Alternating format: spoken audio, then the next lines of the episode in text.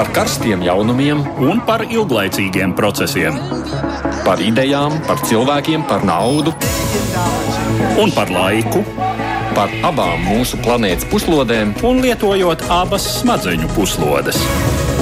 Ēterā raidījums divas puslodes.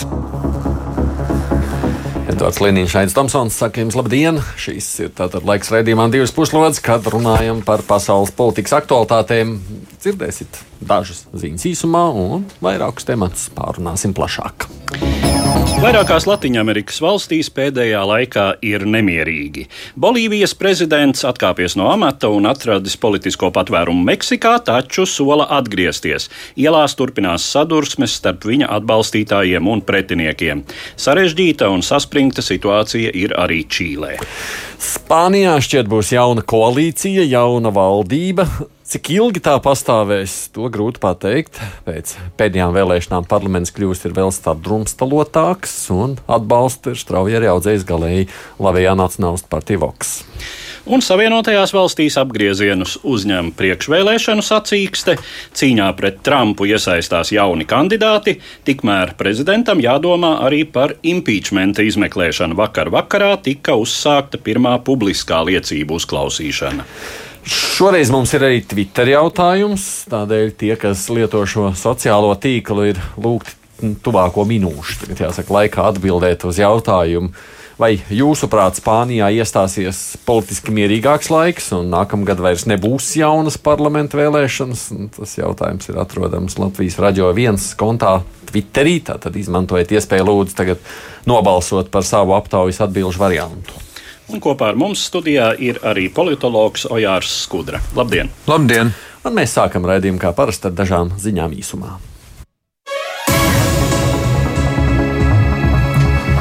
Moldovas parlaments šodien izteica neusticību Eiropiešu noskaņotās premjerministras Mājas Sandu vadītajai koalīcijas valdībai. Neusticības balsojumu rosināja Socialistu partija, kas pati arī ietilpa valdības koalīcijā, bet nu ir noskaņota lojāli prokrieviskiem prezidentam Igoram Dodonam. Krīze Moldovas politikā sākās, kad pagājušā nedēļā izcēlās strīds koalīcijas partners starpā saistībā ar Sandu dotajām pilnvarām izraudzīties ģenerāla prokurora amata kandidātu bez konsultācijām ar Dodonu neformāli vadīto partiju. Politiskās krīzes Moldovā ir regulāras, bet nu, kopš vasaras valstī bija līdz šim nepieredzēta valdības koalīcija, ko veidoja gan prokrieviski, gan eiropeiski noskaņot spēki. Viņus vienoja cīņa pret ietekmīgo oligārhu Vladu Plahotņuču. Tagad Moldovas parlamentā pārstāvētās partijas sākas sarunas par jauna vairākuma izveidošanu.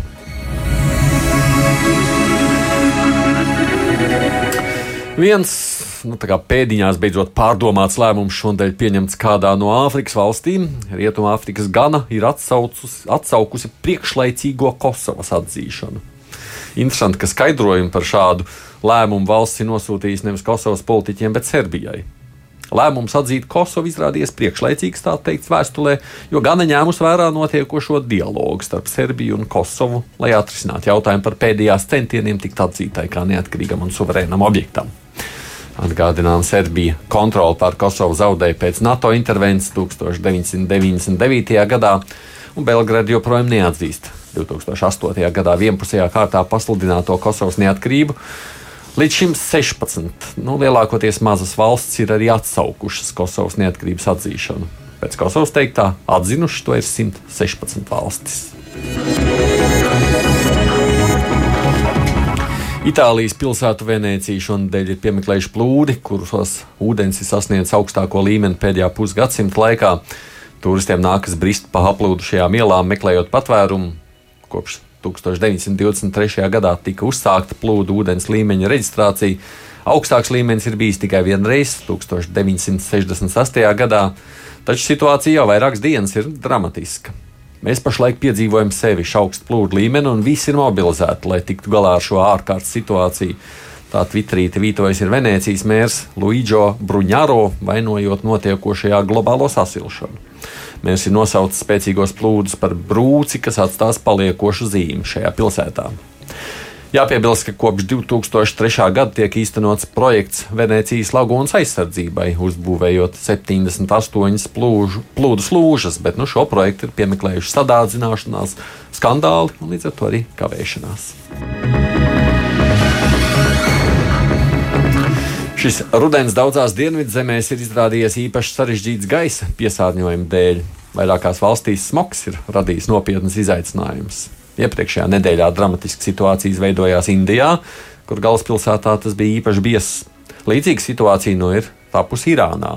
Bīstams slikts gala, gaisa kvalitātes dēļ Irānas valdība ir nolēmusi galvaspilsētā Teherānā slēgt visas sākuma skolas. Jāpiebilst, ka Teherānā dzīvo desmit miljonus cilvēku un ielās tiešām ir biezs smogs. Smoga iemesls ir intensīvā satiksme un arī ražošanas radītais piesārņojums, ko pasliktina vēja un lietas trūkums pēdējo dienu laikā. Teherāna no gaisa kvalitātes viedokļa ir viena no sliktākajām pilsētām pasaulē. Veselības eksperti apgalvo, ka sliktās gaisa kvalitātes dēļ daudziem Irānas iedzīvotājiem ir arī veselības problēmas. ASV elektromobīļu ražošanas uzņēmums Tesla Motors ir nolēmis atvērt jaunu rūpnīcu Vācijā. Tajā ražos automašīnas Eiropas tirgumu. Kompānijas vadītājs Ilāns Masks norādījis, ka rūpnīca paredzēta netālu no jaunās lidostas Berlīnē un tiek plānots arī šajā apvidū izveidot dizaina centru. Visi zina, ka Vācijas inženierija ir pirmšķirīga, un tas ir viens no iemesliem, kāpēc mēs savu Eiropas rūpnīcu izvietosim Vācijā, tā sacīja Masks. Viņš gan detalizētu informāciju pagaidām nesniedz, taču pavēstīja, ka ražošana Eiropā paredzēta sākt līdz 2021. gadam. Tikmēr analītiķi skaidro, ka Tesla automobīļu ražošana Vācijā varētu veicināt konkurences spiedienu arī uz tādiem autoražotājiem kā Volkswagen, BMW vai Daimler, lai arī viņi ievieš inovācijas elektrisko automašīnu nozarē.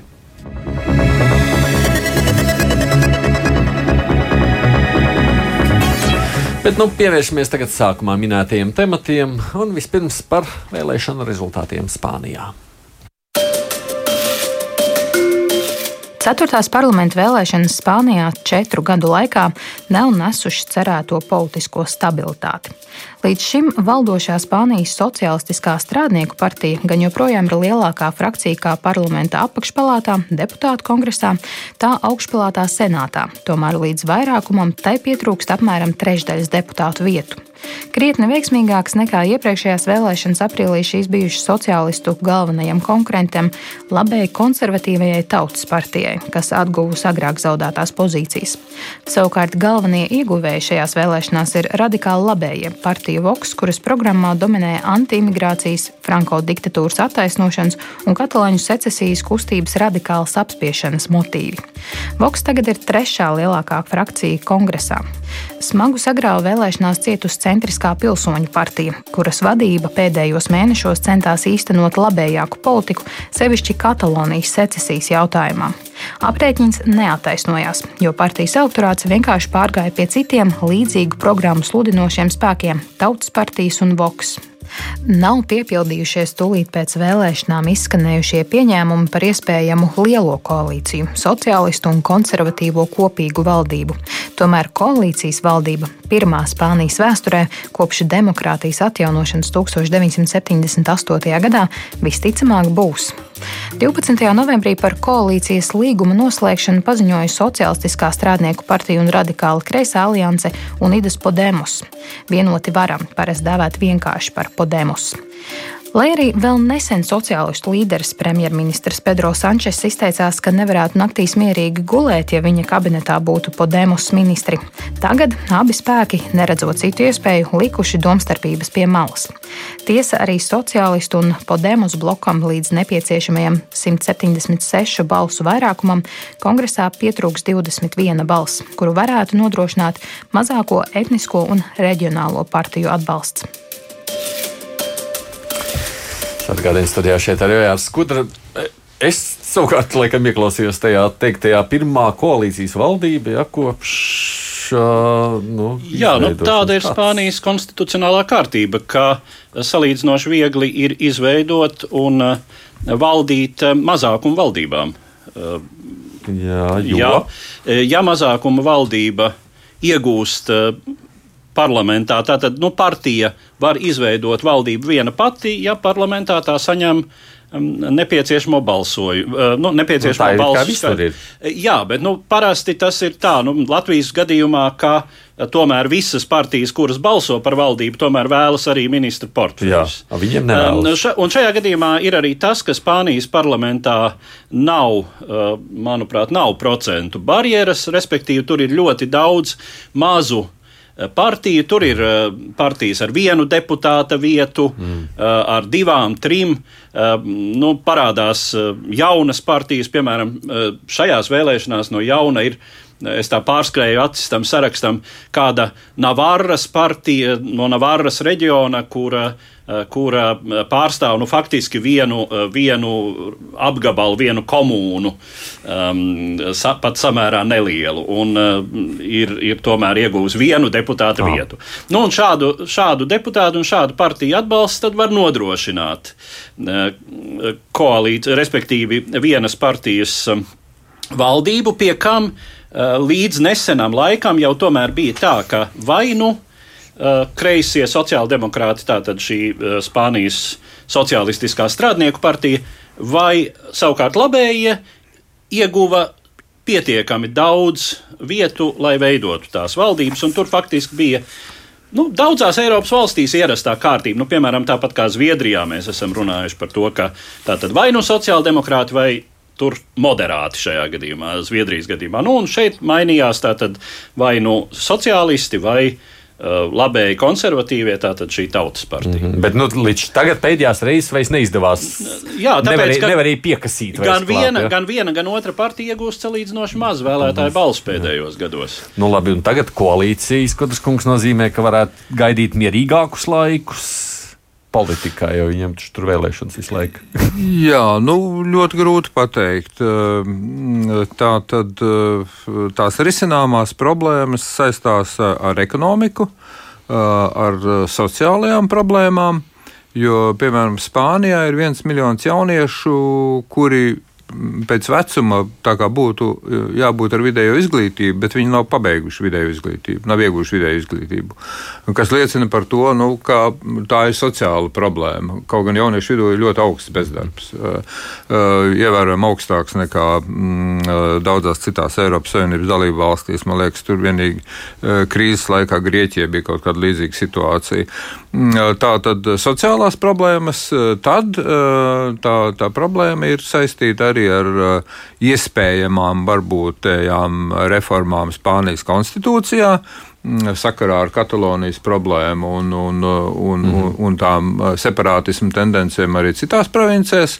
Un, un, protams, jautājums ir par Spānijas ekonomikas attīstību, jo nu, tā reģionu ekonomiskā nevienlīdzība jeb, jeb jeb teiksim, disproporcija šo reģionu attīstībā Spānijā ir ļoti spilgti izteikta. Um, es, es teiktu tā, ka teiksim, nu, Latvija, uh, lai piedod man Latgali ar, ar savu Latgali, vēl nesastopas ar tādām disproporcijām, kādas ir vērojamas Spānijā starp mm. bagātākajiem un trūcīgākajiem reģioniem un provincēm. Tie ir lielie izaicinājumi, kas būs tagad jārisina. Jā. Un, un, un, un, protams, ka mm, tā tad. Uh, Eh, nu, jautājums šajā gadījumā, tad, ja runājam par ārpolitiku, tas, tas, protams, ir jautājums par, par Spānijas budžetu. Mm, tā tad ekonomiskā attīstība pēdējos gados kaut kāda ir iezīmējusies, bet nu, viņa ir nestabila. Par cik tā nestabilitāte ir pasaules ekonomikā kopumā, no Eiropas Savienībai it kā neprognozē lielu to nestabilitāti. Un, protams, migrācijas jautājums. Ja? Un, protams, jautājums par attiecībām ar Gibraltāru pēc Brexit un tā tālāk. Un tā tālāk. Vai, sakot, kas attiecas uz problēmām, risināmām iekšpolitiski un ārpolitiski, tādu tur ir milzums. Un viņiem jau jāmācās tagad, ja viņi nav, viņiem nav pieredzes koalīcijā, tad viss jāsamācās no jauna politikā. Ne? Nu, kas to zina? Nē, esmu tik zinošs Spānijas eh, politikā un partiju attiecībās. Eh, bet, eh, jā, nu, Skudrs kungs jau uzskaitīja tās, to problēmu spektru, bet tas, kas tiek teikts, ka šīs vēlēšanas, protams, ir pagājušas Katalonijas secesijas zīmē, un pret šo jautājumu pozicionējas vieni un otri spēki, un acīm redzami Spānijas sabiedrība kļūst šai ziņā arvien sašķeltāka, par ko liecina uh, Voks panākumi, jo uh, šim voks ir, tātad, tas ir Katalon, Katalonijas, nu, teiksim tā, iegros. Uh, grožos ielikšanas, ja, saukšanas pie kārtības motīvs ir šai partijai teju vai dominējošais. Spānijā, kā zināms, uh, Nu, Spānijā ir migrācijas problēma. Spānija arī ir līdzās Āfrikai. Un, uh, vienīgi Spānijai ir veicies tādā ziņā, ka Maroka ir salīdzinoši ļoti stabila, salīdzinoši Āfrikas valsts, un uh, tas, tā bēgļu straume caur Maroku uh, ir bijusi salīdzinoši maza. Uh, un uz Spānijas kopējā iedzīvotāja skaita nu, šī migrācija tiek absorbēta bez lielām iekšējām problēmām. Bet nu, tā tad Katalonijas jautājums. Uh, un, um, sociālistiem, kuri gan, protams, arī neatzīst Katalonijas tiesības uz suverēnu valstiskumu, bet ir vairāk potences tomēr būt elastīgākiem. Arī viņu elektorāta nostājas dēļ. Mm. Nevelti, teiksim, Katalonijā, Barcelonā un Barcelonas apkārtnē uh, um, ir uh, sociālisti iegūši visvairāk uh, no salīdzinoši ar citiem Katalonijas reģioniem vēlētāju balss, kur, kur ārpus šī Barcelonas reģiona uh, dominē katalāņu nacionālās partijas, uh, kuras uh, lielākoties atbalsta, atbalsta šo secesiju. Uh, nu jā, tā tad. Uh, šis jautājums, kas ir zināmā mērā nonācis strupceļā, un no kura Eiropas Savienība ir ļoti konsekventi līdz šim norobežojusies, mm, sāk uh, Spānijā radīt to pašu problēmu, kuru citur Eiropā ir radījusi uh, lielākoties migrācijas problēma. Un, ja migrācijas problēmai risinājums nu, tā vai citādi, bet lielās līnijās ir atrasts, tad kā atrisināt Katalonijas secesijas jautājumu? Tur šī, šī problēma nu, izskatās pēc, pēc iesaldējama konflikta, iespējams, uz desmit gadiem. Nu, un vēl, protams, tā, tas jautājums, kāds ir Spānijas politiskais mantojums. Mm. Ka tā tomēr ir salīdzinoši jauna demokrātija. Un nevelti arī Voks gūst to vēlētāju atbalstu, kuriem šķiet, ka slavenā pagātne ar, Franko, ar ģenerāli Franko priekšgalā nemaz nav bijusi tik slikta un drīzāk ir bijusi laba, jo tad valstī ir bijusi kārtība un tā tālāk. Mums klausās pie klausulas savukārt Latvijas televīzijas žurnālisti Ina Strasdiņa. Ina, vai tu mūs dzirdi? Halo! Sveiki, Saidi, sveiki, sveiki, kolēģi, sveiki. Tu jau biji savukārt vēlēšana laikā tur. Kā tu raksturot to atmosfēru, kāda tur bija sajūtama? Nu, jāteic, ka vēlēšanas, es biju Madridē, un vēlēšanas tur norisinājās ļoti mierīgi, ļoti arī jāteic tā, kā pēc tāda ierastā scenārija, ka no rīta nāk vairāk ģimenes ar bērniem un, un, un vecāku gadagājumu cilvēku un vēlāk uz dienas otro pusi pamostās jaunieši, bet tas, protams, ko cilvēki arī teica, ka viņi jau ir savā ziņā noguruši no tā, ka šīs jau ir ceturtās vēlēšanas četru gadu laikā. Un, Un, un, un bija tas pārmetums, ka uh, aprīlī valdība nespēja izveidot um, Tātad Pedro Sančes, sociālists līderis, nespēja izveidot valdību, un tagad atkal ir jāiet pie balsošanas urnām, jātērē laiks un jāuztraucās. Un, uh, tas, uh, kas arī īpaši Madridē varēja sajust cilvēkos, ka tomēr ir tās lielākoties tās bažas par, jā, par ekonomikas lietām, sociālām lietām un, un, un pat klimata izmaiņām. Un, un varbūt, varbūt konkrēti Madridē es mazāk sadzirdēju to uh, Spānijas sašķelšanās jautājumu, bet, protams, tuvāk Barcelonai un, un Katalonijas reģionam uh, Katalonija ir un paliek uh, Katalonijas neatkarības alkas ir un paliek šis uh, pats galvenais, galvenais jautājums. Bet es domāju, ka lielā mērā daudziem jau arī bija skaidrs, ka patiesībā neko jau daudz arī šīs vēlēšanas neizšķir, jo neviena no partijām nav ar mieru, uh, kā Katalonija, piemēram, sarīkot referendumu, jo tas joprojām ir pēc Spānijas konstitūcija. Bet um, tas, ko, tas, ko es arī sadzirdēju runājot ar, ar analītiķiem, politikas ekspertiem, ka, protams, cilvēki kopumā Spān Spānijā ļoti gaidīs no šīs valdības. Uh, gan ekonomikas, gan sociālā lietu sakārtošanu, bet arī, uh, un jāteic, gan arī primāri tomēr šo uh, Katalonijas neatkarības uh, atrisināšanu, šo jautājumu kuru var, kā vismaz akadēmiskā vide, ir absolūti pārliecināti, var izsināt tikai un vienīgi politiska dialoga ceļā. Nu, tātad mm. sēžoties pie galda un runājot, bet ko tiešām var piedāvāt vēl vairāk, tas ir tāds ļoti smags jautājums, jo, kā man arī sacīja, Eksperti Madridē faktiski Katalonija jau it kā bauda lielas autonomijas privilēģijas, un ko vēl tur varētu piedāvāt kāds risinājums. Nu, tas tiešām ir šobrīd ļoti grūti pasakāms. Mm, jā.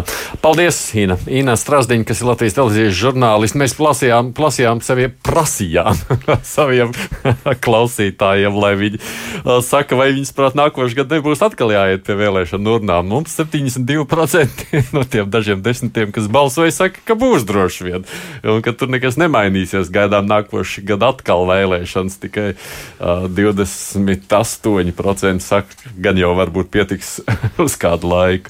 Uh, saprot, vai tā valdība var atrisināt to, ko gaida. Mm. Nu, um, Te kopainai es, es gribētu atļauties divas piebildes. Viena mazliet varbūt uzjautrinoša piebilde. Tā tad um, kaut gan nu, Spāņiem pašiem droši vien tur nekādas jautrības nav. Uh, vēlēšanās piedalījās 70 politiskās partijas. Uh, tā tad, uh, ja runa ir par teikt, apakšnām, par, par, par deputātu kongresu, tad 350 vietām 70 partijas. Ja, ja skaita tikai partiju apvienības, partijas, un, kas, kas nesastāv no kaut kādām citām, vēl, tā, tad, tad 61 uh, vienība, kas arī ir ārkārtīgi plaša un daudz. Tā izskaitā atsevišķi trīs komunistiskās partijas. Es atļaušos nosaukt Spānijas tautu, tautu daudzskaitlī, Spānijas Tautu komunistiskā partija, Spānijas darbaļaužu komunistiskā partija nu, un Spānijas komunistiskā darbaļaužu partija. Pēdējā ir tāpēc tā nosaukta, tāpēc ka sociālistu pilnais nosaukums ir Spānijas Socialistiskā darba ļaužu partija. Tā tad, var sakot, tur uh, darba ļaudīm ir ko izvēlēties. Un kas attiecas uz Spānijas ekonomiku, nu, lai būtu skaidrs, par, par kādu ekonomisku lielumu Eiropas Savienībā un pasaulē mēs, mēs spriežam. Spānijas 2018. gada koprodukts pēc pirktspējas kritērija ir 1,91 triljons ASV dolāru, kas ir 1,40% no pasaules ekonomikas. Uh, tas ir apmēram tikpat daudz, cik Saudārābijai, kurai ir 1,36%, ja 1,86 triljoni. Tā kā nu, uh, Spānija nav trūcīga valsts. Nu jā, bet pabeidzot šo, neiet uz nākošo tematu, tad ko būs nākošais gada vēlēšanas, Edvard? Nu, te jau atkal par to kristālu bumbu jāsāk taujāt, bet. Uh, Nē, es, es neņemos minēt, te, te vai tiešām, te vai tiešām jāmet kāpēc. Nu, tā tā Tāpēc, situācija ir. Izaicinājumi lieli. Uh, es, es domāju, ka ja pasaulē turpināsies tās negatīvās ekonomiskās tendences, tad ļoti iespējams, ka būs jaunas vēlēšanas, jo, jo tad šīm pārējām tīri politiskajām problēmām slāņosies virsū arī ekonomiskās un jā, piesauktais jauniešu bezdarbs. Eh, kas ir visam vidusjūras reģionam uh, raksturīgs un kas ir atzīts Eiropas, kā Eiropas līmeņa problēma. Uh, un te nu jāsaka, ka mēs varam Latvijā būt ļoti priecīgi ka mums šādas problēmas nav un pat nespīd. Mums ir uh, drīzāk problēma, ka veci cilvēki pirms pensijas vecumā izkrītot no darba tirgus aprites vairs nevar tajā atgriezties. Uh, bet jauniešiem par laimi Latvijā nav tāda problēma atrast pielietojumu, kā tas ir uh, faktiski visā vidusjūras reģionā. Labi. Redījuma turpinājumā dodamies prom no Eiropas, ceļamies pāri okeānam, nu vispirms uz Latviju Ameriku. Pēdējo mēnešu procesus Dienvidamerikā jau salīdzina ar arābu pavasara kustību no 2010. līdz 2012. gadam. Daudz vietu konkrēti un samērā otršķirīgi iemeslu izraisīta sabiedrības neapmierinātība izlauzusies uz āru, atklājot dziļākas un ilglaicīgākas sociāla-ekonomiskās problēmas. Pašreizējā Dienvidamerikas politisko satricinājumu bilants izskatās šādi. Paragvajā masu protestus augustā izraisīja informācija, ka prezidenta Mario Abdo Benitesa valdība slepenās sarunās piekritusi neizdevīgam līgumam ar kaimiņu valsti Brazīliju par abu valstu kopīgās hidroelektrostacijas ražotās elektroenerģijas izmantošanas noteikumiem. Opozīcija ir uzsākusi impeachmenta procesu pret prezidentu Abdo, kas šobrīd tuvojas noslēgumam. Peru prezidenta Martina Viskaras lēmums septembra beigās atlaist kongresu, kuru valsts galva vaino tiesu sistēmas korupcijas piesakšanā, izraisīja parlamenta atbalstītāju demonstrācijas un sadursmes ar policiju. Bolīvijā pēc 19 dienas ilgušiem masu protestiem un ģenerāla streika daļā valsts no amata atkāpies radikāli kreisais prezidents Evo Morales, kurš savu kandidēšanu uz 4. prezidentūras termiņu 20. oktobra vēlēšanās panāca ar konstitucionālām manipulācijām un tika turēts aizdomās par vēlēšanu rezultātu viltošanu. Atkāpšanās notika pēc policijas un bruņoto spēku vadības aicinājuma. 12. novembrī pametis valsti Morāles saņēmis politisko patvērumu Meksikā. Vardarbīgus masu protestus Ekvadorā oktobra pirmajā pusē izraisīja valdības lēmums pārtraukt 40 gadus īstenoto degvielas subsidēšanu. Akcijas turpinājās arī, kad lēmums tika atcelts un izbeidzās tikai pēc tam, kad prezidents Lenins Moreno noslēdz īpašu vienošanos ar iedzimto cilšu vadoņiem. Taču visvardarbīgākie protesti kopš 19. oktobra turpinās Čīlē, kur prezidenta Sebastiana Piņeres valdība, izmantojot kopš Augusto Pinocheta laikiem spēkā esošus likumus, raidījusi pret protestētājiem armijas spēkus. Sadursmi rezultātā 18 cilvēki zaudējuši dzīvību, tūkstoši arestētu un starptautiskās organizācijas paudušas bažas par cilvēktiesību pārkāpumiem. Arī Čīlē protesti neapsīkst par spīti tam, ka konkrētais iegānsts sabiedriskā transporta biļešu cenu un elektroenerģijas tarifu celšana ticis novērsts.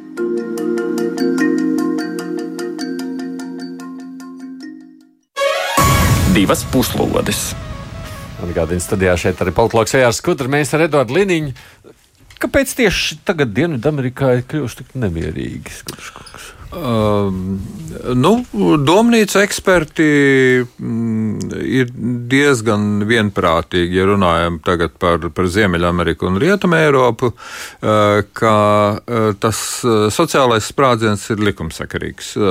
Kāpēc? Mm, nu, ja runājam par, par par Bolīviju un, un, un teiksim, Venecuēlu un, un, un Čīli, tad tas kaut arī politiskie režīmi atšķirās. Ja? Bolīvijā bija kreis, ļoti kreis politiskais režīms, kurš nebija spējīgs īstenot sekmīgu ekonomisko politiku, tāpat kā Venecuēlā. Un Venecuēla dzīvoja uz naftas rēķina, Bolīvija dzīvo uz litija rēķina kas ir viens no ļoti pieprasītajiem retajiem metāliem pasaulē saistībā ar elektromobīļu attīstību. Tātad plaukstoša, varena Bolīvijas eksporta joma vai nozare. Kas attiecas uz Čīli, tur tā lieta ir uh, mazliet savādāka, bet uh, sociālā sprākstviela tāpat uzkrājās. Nu, viņiem ir Pinocheta konstitūcija joprojām par spīti tam, ka tur bija demokrātiskas valdības, viņas neko ar to konstitūciju nav iesākušas, un ir milzīga nevienlīdzība uzkrājusies. Ekonomiskā attīstība, jā, Čīle ir, pievien, nu, ir viena no vadošajām, ja ne vadošā, ekonomiskās attīstības ziņā Latvijas valsts, skaitot līdz ASV robežai. Un, un, un problēma ir tajā apstākļī, ka mm, ir ieguvēji no šīs attīstības, bet ir arī zaudētāji. Un tie zaudētāji, protams, tagad izrādās ir sasnieguši kritisko masu, un viņi ir ļoti neapmierināti ar savu sociālo stāvokli. Mm. Edvard. Jā, tieši tā tas arī ir. Čīle tiek minēta kā vienīgā Latvijas valsts, kuru varētu salīdzināt ar attīstītajām pasaules valstīm, mm. gan pēc iekšzemes koprodukta uz vienu iedzīvotāju, uh, gan vispār pēc sociālās attīstības līmeņa, un starp citu jāpiebilst, ka šo attīstību Čīle panāca tieši Pinocheta diktatūras jā, laikā. Jā, jā, uh, jā, tas uh, noslēdzot, faktiski tas bija 90. gadu sākumā, kad uh, kāds um, amerikāņu Baltiešu izcelsmes amerikāņu vēsturnieks, eh, kurš bija bijis Čīlē, man stāstīja, ka Čīle ir vienīgā Latvijas valsts, kur, kad tu taksistam jautā, vai maksāt viņam dolārus vai peso, viņš saka vienalga. Visās pārējās Latvijas valstīs ir tā, ka, protams, amerikāņu dolārus. Jā. Bet šeit, eh, un tā brīža Latvijā, tas, man tas bija ļoti saprotams. kur pat repši, man liekas, vēl nebija iestājušies. Ne brīdī, atvainojiet, repšas rubļi. Uh, jā, tā tad. Uh, bet par spīti tam, ka Čīle ir samērā sabalansēta ekonomikas struktūra, tur Čīle, kā saka, nesēž uz viena izrakteņa eksportu. Eksporta, uh, bet, piemēram, diezgan sekmīgi eksportē uz Eiropu labu vīnu, kuru es arī dzeru un patērēju diezgan lielā daudzumā. Tad tomēr jā, šī nevienlīdzība. Un arī atkal jau piesauktās jaun, jaunatnes problēmas, jo viens no sociālās neapmierinātības uh, iemesliem ir eh, zema izglītības sistēma un izglītības, zema līmeņa izglītības sistēma, kas nenodrošina pietiekamu konkurences iespēju darba tirgu. Un saprotu, arī dārga. Un arī jāsalīdzinoši, nu tā tad, ja tu gribi labu izglītību, tad, tad tu vari maksāt, tad tev ir jāmaksā, un eh, to, protams, var atļauties tikai savukārt uh, ļoti situētu mm, vecāku bērni. Nu, jā, un konkrētais, un līdz ar to pietiek vienas dzirksteles, kas šajā gadījumā bija metro biļešu cenas jā. Uh, galvaspilsētā Santiago, uh, lai šie um, neapmierinātie jaunieši, daudz ar ko citu neapmierināti, sāka vispirms vienkārši bez biļetēm lausties iekšā stācijās, un pēc tam šīs stācijas demolēt un dedzināt. Nu, jā, Katrā Latvijas valstī ir kaut kādas nianses, eh, lai gan salīdzinot, teiksim, šī izskan šis salīdzinājums ar arābu pavasari, tad, protams, tomēr Latvijas situācija ir daudz sakarīgāka šai ziņā. Eh, daudzi šie, daži šie režīmi ir dīvaini, nu par Venecuēlu mēs jau gan esam šeit runājuši, bet tomēr, tomēr vairumā gadījumu tās ir demokrātijas, kaut runā par trauslām demokrātijām, nu, Čīle arī. Ja? Un faktiski gandrīz visām Latvijas valstīm diktatūra ir tuvākā vai tālākā pagātnē. Un tā demokrātija ir gana nenostiprinājusies vēl, bet tomēr, tomēr jā, nu, mēs redzam, ka m, kaut kā šis process tiek tiek labāk amortizēts nekā tuvajos austrumos, līdzīgās uh, Eh, līdzīgās situācijās, jo nu, vai nu teiksim, prezidents sēžas pie viena galda ar cilšu vadoņiem.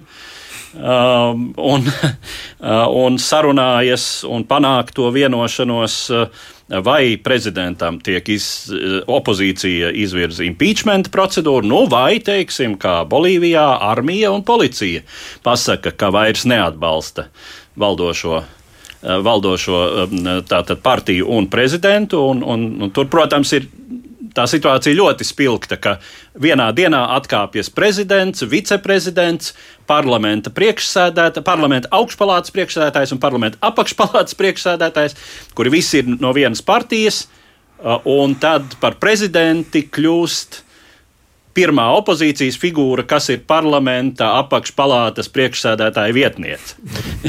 Bijusi līdz tam. Ja? Mm. Nu, tā tad, tā, tā, tāda, tāda radikālā Jā, bet, elites nomaiņa. Bet, ja mēs runājam par tā pašu Bolīviju, nu, tad Kas tas ir? Apvērsums, kā tā sakām, vai nu, Krievija to sauc par jā, apvērsumu. demokrātijas uzvaru. Nu, ko tad mēs tādā lai to nodēvējam? Kas attiecas uz, uz Bolīviju, tad, teiksim, te tie viedokļi stipri atšķirās. Un, un Amerikas Savienotās valsts pilnīgi oficiāli tā tad Pompeo, tāda valsts sekretāra personā, ir apsveikušas jauno pagaidu prezidenti, kur ir apsolījusies 90 dienu laikā sarīkot jaunas vēlēšanas vēlēšanas.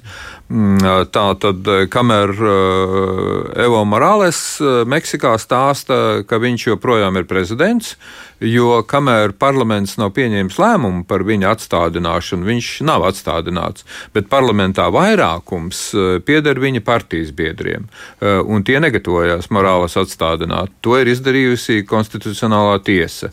Un, un līdz ar to nu, tā, tā situācija ir tāda: Krievija saka apvērsums, Putins šajās dienās ir Brazīlijā, kur notiek BRICS valstu līderu samits, un savukārt Brazīlijas prezidents Bolsonaro ir atzinis to par likumīgu to procesu un arī atbalstījis jaunu vēlēšanu sarīkošanu.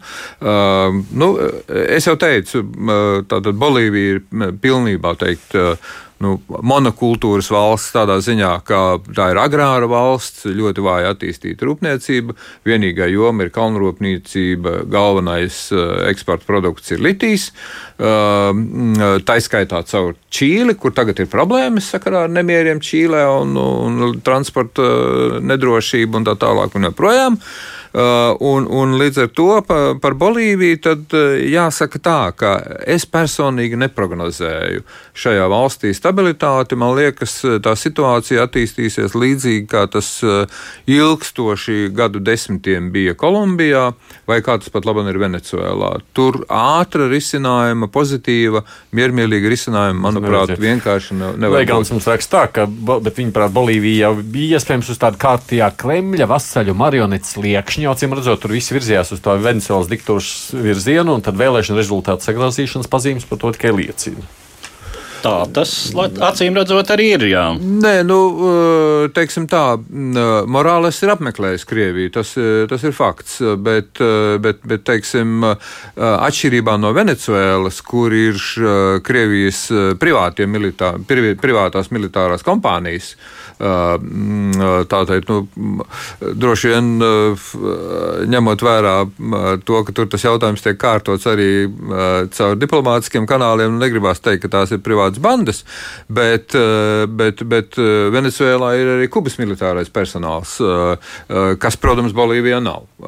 Bolīvijā nav ne, ne Krievijas privātās militārās kompānijas, ne arī kubiešu militārie speciālisti. Līdz ar to no tāda viedokļa es, es negribētu teikt, ka nu, tur jau bija tā, tā situācija tik tālu. Un, un, un, un es saprotu, ka nu, Brazīlijai nav gluži vienalga, kas viņai kaimiņos notiek. Tās, un arī Savienotajām valstīm, protams, nav vienalga, jā, jā. kas notiek Dienvidamerikā. Jā. Un, ja Krievija un Kuba ļoti aktīvi iesaistītos, nu, tur ir arī, es domāju, tīri loģistiski jautājumi, jā. kā līdz Bolīvijai tikt. Uh, Eh, lai, to, lai tas nebūtu pamanāms ne, eh, ne Brazīlijai, ne Savienotajām valstīm, un tad vienā brīdī neizraisīt jautājumu par to, vai Monroe doktrīna galu galā vēl joprojām nav spēkā. bet, nu, ne, ne, bet es atvainojos, bet, bet te ir jāpiebilst vēl viena lieta, ka, ka Bolīvijai, protams, ir viens palīgs, kas ir gatavs palīdzēt un kuram ir līdzekļi. Uh, tas attiecas arī uz, uz Čīli, uh, par cik Čīle arī tur nodarbojās ar, ar litiju lietām. Uh, tā tad tā ir Ķīnas Tautas Republika. Ķīnas Tautas Republika, kuras tātad, um, pirmā amatpersona ir arī ieradusies Brazīlijā uz BRICS valstu uz vadītāju samitu. Ja Bolīvija vien izrādīs vēlmi, ķīnieši ieguldīsies un nepajokam. Mm. Jā, ne jau militāri. Es jā, sapratu, jā, jā, ekonomiski. Tāpat kā viņi to dara Grieķijā. Jā, jā. Par to mēs varētu atsevišķu raidījumu, protams, taisīt tikai pabeidzot šo sadaļu. Nu, tad mēs saprotam, tur jau tā, nu, tāda, tāda. Nu, kā lai to nosauc? Nu, izskatās, ka Dienvidamerika šobrīd reaģē uz vispārējām globālās, globālajām ekonomiskajām tendencēm, kas nemaz nav pozitīvas. Tur, kur šīs ekonomikas ir salīdzinoši visvājākās, un arī politiskā sistēma nestabila, tur šīs problēmas izpaužas visātrāk. Bet nu, tas ir, manuprāt, tāds brīdinājums zvans visai pārējai pasaulē. Mm. Okay. Par Amerikas notikumiem mēs turpināsim tikai vairs ne par Dienvidameriku. Vakar ASV kongresā notika pirmās publiskās liecinieku noklausīšanās prezidenta Donalda Trumpa impeachmenta izmeklēšanas procesā. Liecināja pašreizējais ASV vēstnieks Ukrainā Bills Taylors un viens no ārlietu dienesta augstākā ranga darbiniekiem Džordžs Kents. Vēstnieks Taylors atstāstīja kāda sava dienesta līdzstrādnieka teikto, kurš bijis liecinieks telefona sarunai, kad Savienoto valstu vēstnieks Eiropas Savienībā Gordons Sondlens sazvanījies ar prezidentu Trumpu no kāda Kievas restorāna. Sondlens esot ziņojis prezidentam, ka Ukraiņi ir gatavi virzīties uz priekšu izmeklēšanā par tēvu un dēlu Baidenu darbību Ukrainā. Atgādinot, bijušais viceprezidents Joe Baidens ir viens no spēcīgākajiem demokrātiskās partijas kandidātiem nākamā gada prezidenta vēlēšanās. Vēstnieka Teilora liecība nav tieši pierādījums, taču, ja tā apstiprinātos izjautājot vēstnieku Sondlendu vai pagaidām anonīmo vēstniecības darbinieku, vairs nebūtu noliedzama tieša prezidenta Trumpa iesaista mēģinājumos panākt Baidena darbības izmeklēšanu Ukrainā.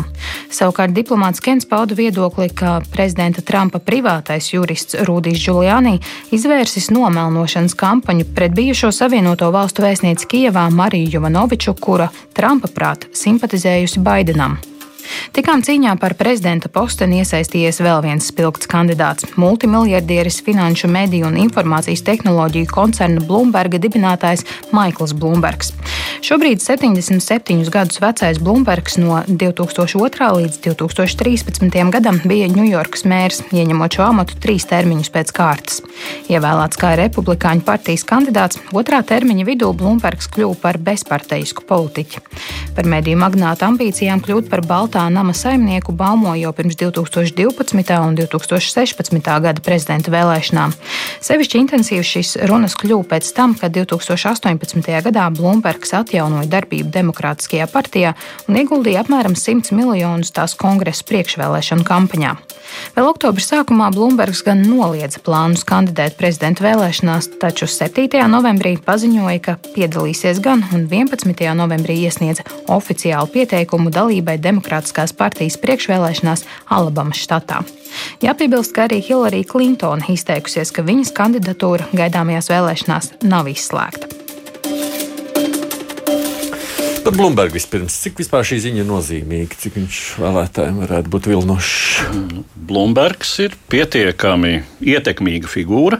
Tas, kas varbūt ir mazliet pārsteidzoši, ka viņš nekandidē kā neatkarīgais kandidāts, kā bieži vien dara, um, jo nu, viņa pagātnē ir gan jaunības dienās dalībā Demokrātiskajā partijā, un tad gandrīz vai šķita, ka viņš ir ka viņš piepilda to tēzi, ka tas, kurš jaunībā nav bijis kreiss, tam nav sirds, tas, kurš vecumā joprojām ir kreiss, tam nav prāta. Viņš, respektīvi, pārgāja republikāņu nometnē un, eh, kā jau minēts, eh, tātad kļuva par Ņujorkas mēru, kas ir domājams visietekmīgākais mēra amats Savienotajās valstīs.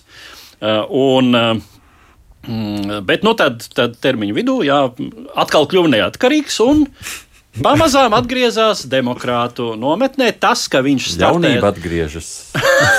Jā, septiņos, septiņos gados tieši tā tas varētu būt. bet, bet, bet, ja nopietni, tad um, viņa izredzes, es domāju, uh, startēšana uh, demokrātiskās partijas uh, sarakstā, nu, drīzāk, drīzāk jau vairo nekā mazina. Uh, es tā pieļauju, jo uh, Eh, nu, tur, protams, ir jāskatās. Te varētu būt runa par, par vecuma jautājumu um, un arī par dzimumu. Jo ļoti iespējams, ka demokrātu vēlētāji, vidējais demokrātu ah, vēlētājs varētu dzimumu.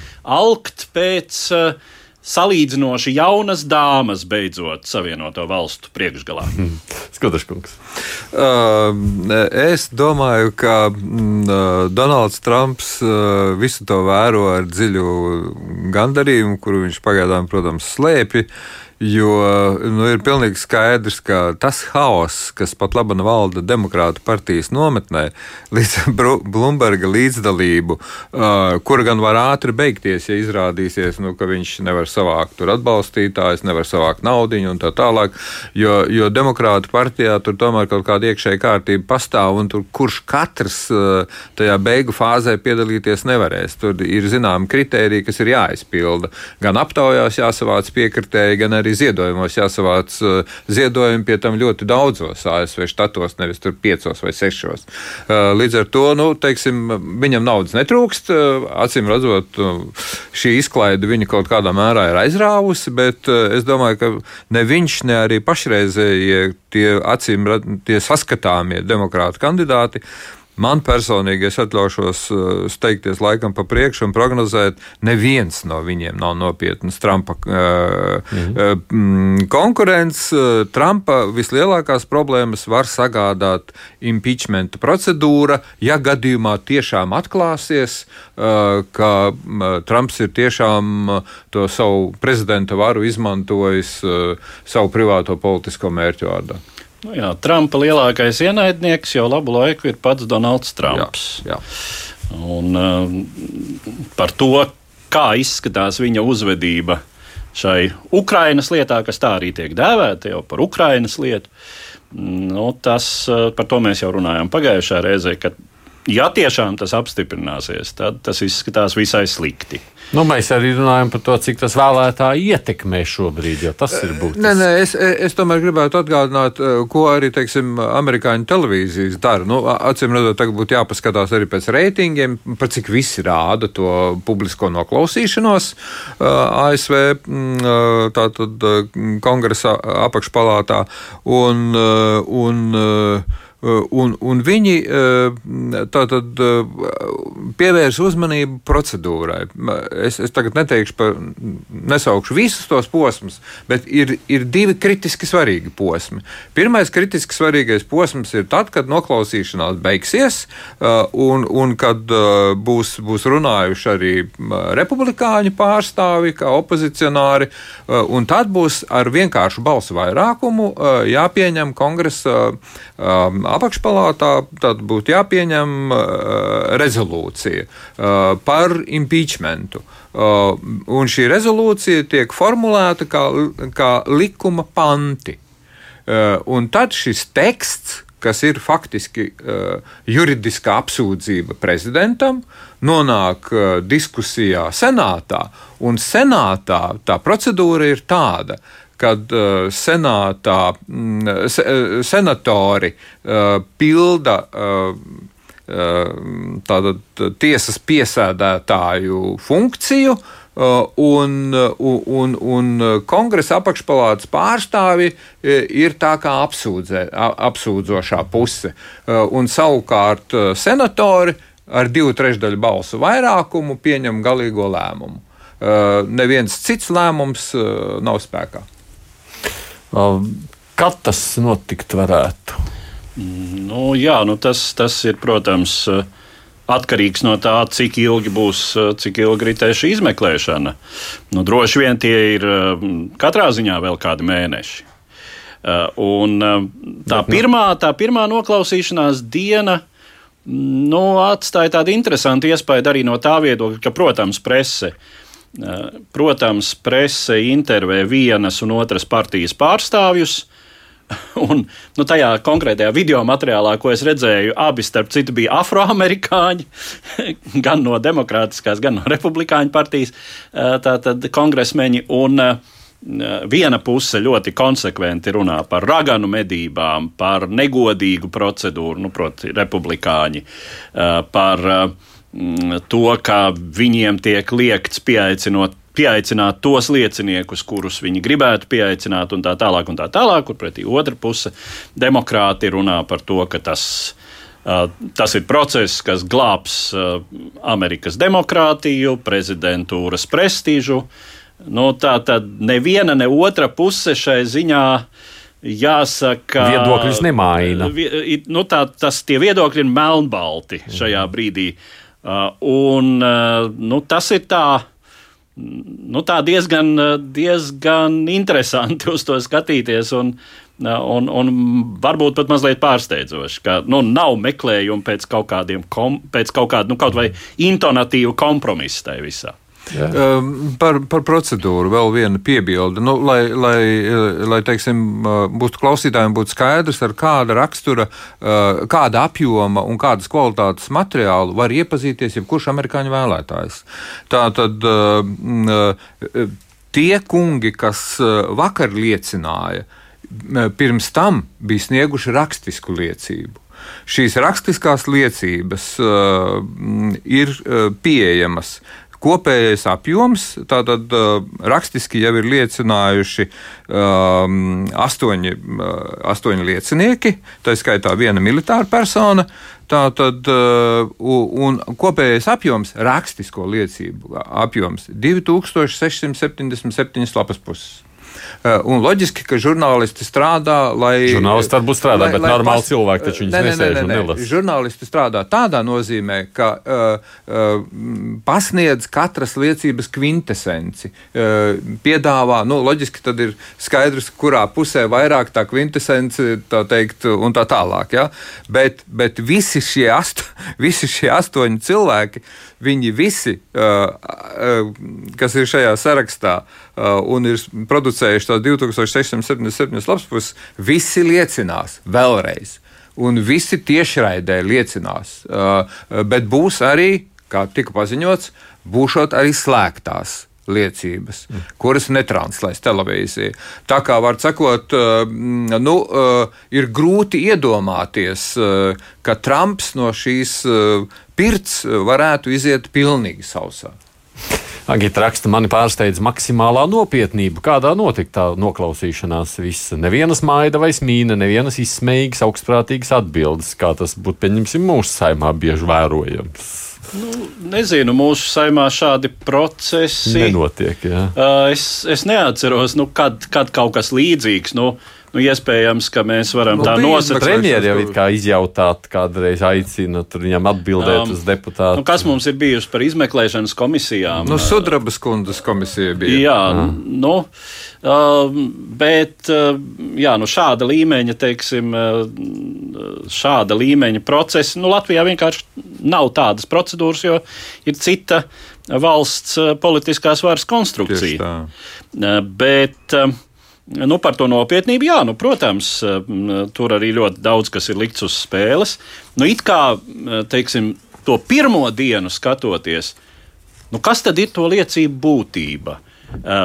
Vēstnieks saka, ka viens viņa līdzstrādnieks viņam ir teicis, jā, jā. ka viņš ir dzirdējis, ko atbild cits vēstnieks prezidentam, un pēc tam vēl dažus teikumus, kā viņš komentē. Uh, to, un tas, par, tas tad tiek tirzāts, kas bija galvenais, faktiski galvenais eh, šī iztirzājuma temats. Un, protams, ka no republikāņu puses uh, tiek saukts, bet tas, par ko jūs runājat, būtībā faktos neapstiprinās, jo mēs taču esam atjaunojuši Ukrainai militāro atbalstu. Uh, Tā tad nu, nav pamata. bet nu, jādomā, ka tā ir tikai pirmā diena un ka vēl daudz kas tiks Jā, bet, cilāts. bet nu, nu, manuprāt, vēl viens aspekts, kas, protams, ir jāņem vērā, tas gan neatiec, protams, uz Trumpa prezidentūras laiku, tas attiec, kas, kas, protams, tad viņam ir izdevīgi. Runa ir par korupciju, runa ir par oligarhiju, runa ir par, par tiesu varas faktiski ļoti ļoti vājo darbību Ukrajinā un tā tālāk un joprojām. Uh, nu, un tad, tur, protams, ir jautājums par Baidena dēlu un viņa lomu tajā privātajā gāzes mhm. kantorī, uh, kura īpašnieks uh, tomēr bija Janukoviča prezidenta, bijušā prezidenta Janukoviča valdībā uh, un, un piedar pie, pie oligarhiem, uh, varbūt ne pašiem galvenajiem. Uh, un, un līdz ar to, protams, ka um, te ir vēl viens aspekts. Eh, tas šobrīd tā galvenā persona, kurai tiek pievērsta uzmanība, ir vēstnieks Gordons Soundlands. Eh, viņš bija Amerikas Savienoto Valstu vēstnieks pie Eiropas Savienības. Uh, un sarunā ar viņu it kā uh, ir bijusi runa Eh, konkrēti par eh, šo tiesas procesu pret eh, Baidena dēlu. Politologs Ajārs, ko nevaram turpināt, ka līdz Edvards Liniņš procentīja jāvazējas, tad jāiet tam sāc. Divas puslodes.